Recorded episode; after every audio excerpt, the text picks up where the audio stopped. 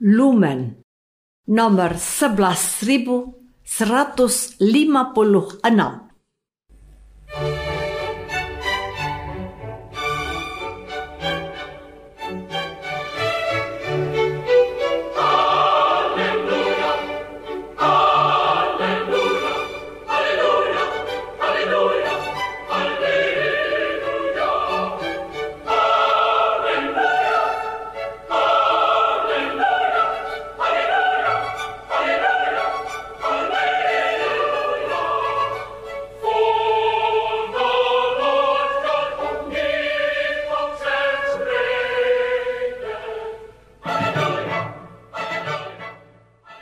Saudara pendengar di segenap penjuru tanah air, selamat bergabung dengan Lumen Indonesia.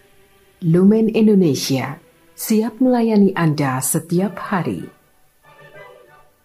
Saudara terkasih, marilah kita bersatu dalam Tuhan kita Yesus Kristus yang tidak berubah dahulu, sekarang, dan selama-lamanya.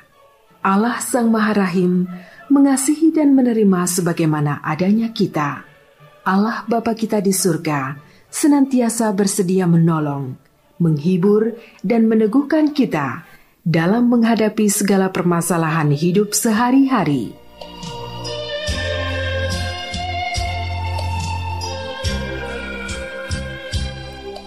Saudara-saudari, marilah kita mendengarkan renungan dengan judul Iman dan Doa.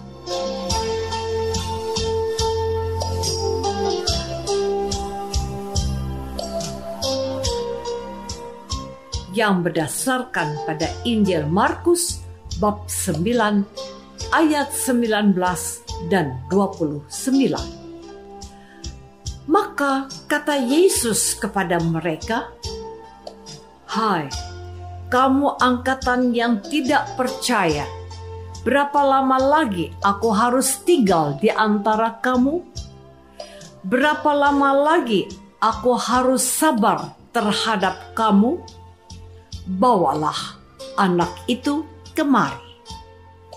Jenis ini tidak dapat diusir kecuali dengan berdoa.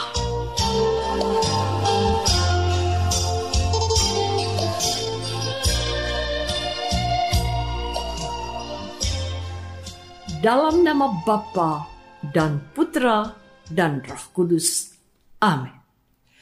Saudara-saudari terkasih dalam nama Tuhan Yesus Kristus. Bacaan Injil hari ini melanjutkan kisah Yesus yang berubah rupa di Gunung Tabor. Yesus berubah rupa di depan mata Petrus, Yohanes, dan Yakobus.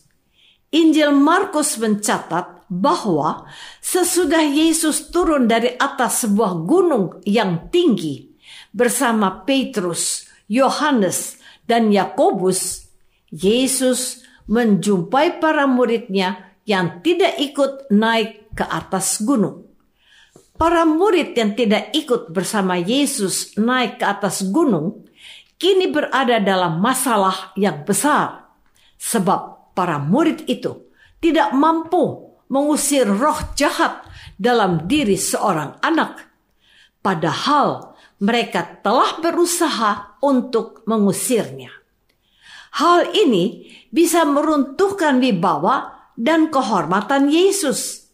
Selain itu, ketidakmampuan para rasul mengusir setan dapat menjadi berita buruk dalam masyarakat bahwa para murid Yesus tidak mempunyai kemampuan dan kuasa seperti yang dimiliki oleh Yesus guru mereka.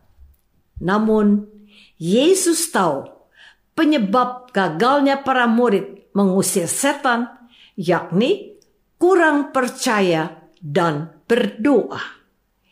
Yesus berkata kepada mereka, "Hai, kamu angkatan yang tidak percaya, berapa lama lagi aku harus tinggal di antara kamu?" Berapa lama lagi aku harus sabar terhadap kamu?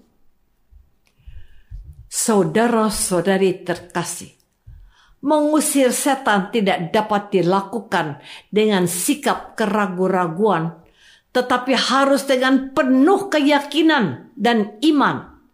Di sinilah muncul persoalan berkaitan dengan kesiapan para rasul dalam melanjutkan karya Yesus. Sebab berulang kali Yesus menegaskan kepada mereka bahwa Yesus tidak akan lama lagi hidup bersama para rasul. Dengan kata lain, Yesus hanya hidup untuk sementara di dunia ini. Karena itu, Yesus sesungguhnya sedang mengajarkan para muridnya untuk mulai hidup mandiri dan tidak lagi bergantung kepada Yesus. Apalagi sebelumnya, para rasul sudah diberikan kuasa oleh Yesus untuk mengusir setan. Namun, rupanya para rasul tidak memelihara kuasa itu dengan hidup doa yang teratur. Para murid Yesus kelihatan tidak sadar bahwa kuasa yang Yesus berikan itu tidak bersifat menetap. Artinya, kuasa yang Yesus berikan akan bekerja jika orang yang menerima kuasa itu terus-menerus hidup dalam doa seperti yang Yesus lakukan. Saudara-saudari terkasih, iman dan doa merupakan dua hal yang saling berhubungan satu sama lain. Iman tidak mungkin dapat bertumbuh tanpa doa yang dilakukan secara teratur dan dengan penuh keyakinan akan kasih dan kuasa Allah. Oleh karena itu, orang yang jarang atau bahkan tidak pernah berdoa akan sulit untuk mengharapkan imannya tumbuh. Apalagi mengusir roh jahat yang memang memiliki kekuatan besar kekuatan roh jahat yang besar hanya bisa dikalahkan dan dilumpuhkan oleh orang tertentu yang teguh dan kuat imannya. Sebaliknya, orang yang berdoa secara teratur dan berdoa dengan penuh kesungguhan secara perlahan-lahan akan membuat iman mereka tumbuh dan berkembang dan orang-orang yang sering mendekatkan dirinya dengan Tuhan melalui doa yang teratur akan semakin dicintai dan dikenal Allah. Sebab kalau seseorang sudah sangat dicintai dan dikenal oleh Allah dengan baik, maka apa pun yang mereka minta pasti dikabulkan Allah. Inilah yang dimiliki oleh Yesus. Tuhan Yesus begitu dekat dengan Allah Bapa di surga. Kedekatan Yesus dengan Allah Bapa membuat Yesus sangat dicintai dan dikenal oleh Allah. Di samping itu, Yesus pun menunjukkan cinta dan ketaatannya kepada Bapa lewat hidup doa yang teratur. Saudara-saudari terkasih, Tuhan Yesus tidak hanya mengecam para murid dan orang banyak itu sebagai angkatan yang kurang percaya. Yesus juga menunjukkan kelemahan para muridnya bahwa roh jahat yang tidak bisa mereka usir hanya bisa dilakukan lewat doa. Berdoa tidak hanya meminta dan memohon kepada Allah. Doa juga berarti sikap batin manusia yang menyadari bahwa dirinya tidak memiliki apa-apa dan tidak bisa berbuat apa-apa tanpa campur tangan Allah. Berdoa juga mau menunjukkan kekecilan dan ketidakberdayaan kita di hadapan Allah maka ada keyakinan dalam diri manusia itu sendiri bahwa dia tidak ada apa-apanya di hadapan Allah. Dan bisa jadi inilah kesalahan para murid sehingga tidak mampu mengusir roh jahat. Bisa terjadi para murid tidak lagi mengandalkan Allah, tetapi sudah mulai mengandalkan diri mereka sendiri. Mereka berpikir bahwa Yesus telah memberikan kuasa kepada mereka, tetapi mereka lupa kalau kuasa yang Yesus berikan itu hanya akan tetap tinggal dalam diri mereka jika mereka selalu hidup dalam doa.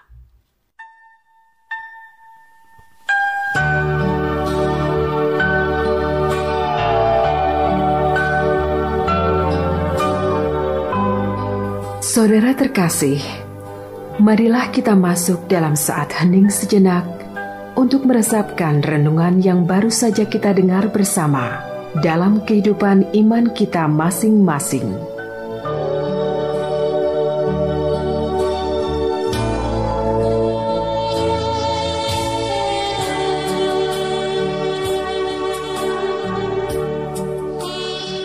Apakah selama ini kita sudah berusaha berdoa terus menerus sehingga iman kita bisa tumbuh dan berkembang dengan baik.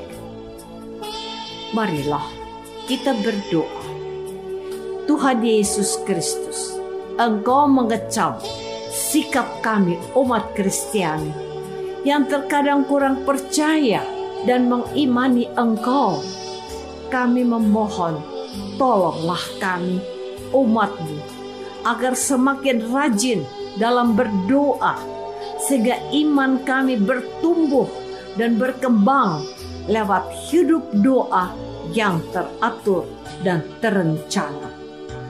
Doa ini kami persembahkan dalam nama Yesus, Tuhan dan pengantara kami. Amin. Semoga kita semua selalu dinaungi dan dibimbing oleh berkat Allah yang Maha Kuasa, Bapa dan Putra dan Roh Kudus. Amin.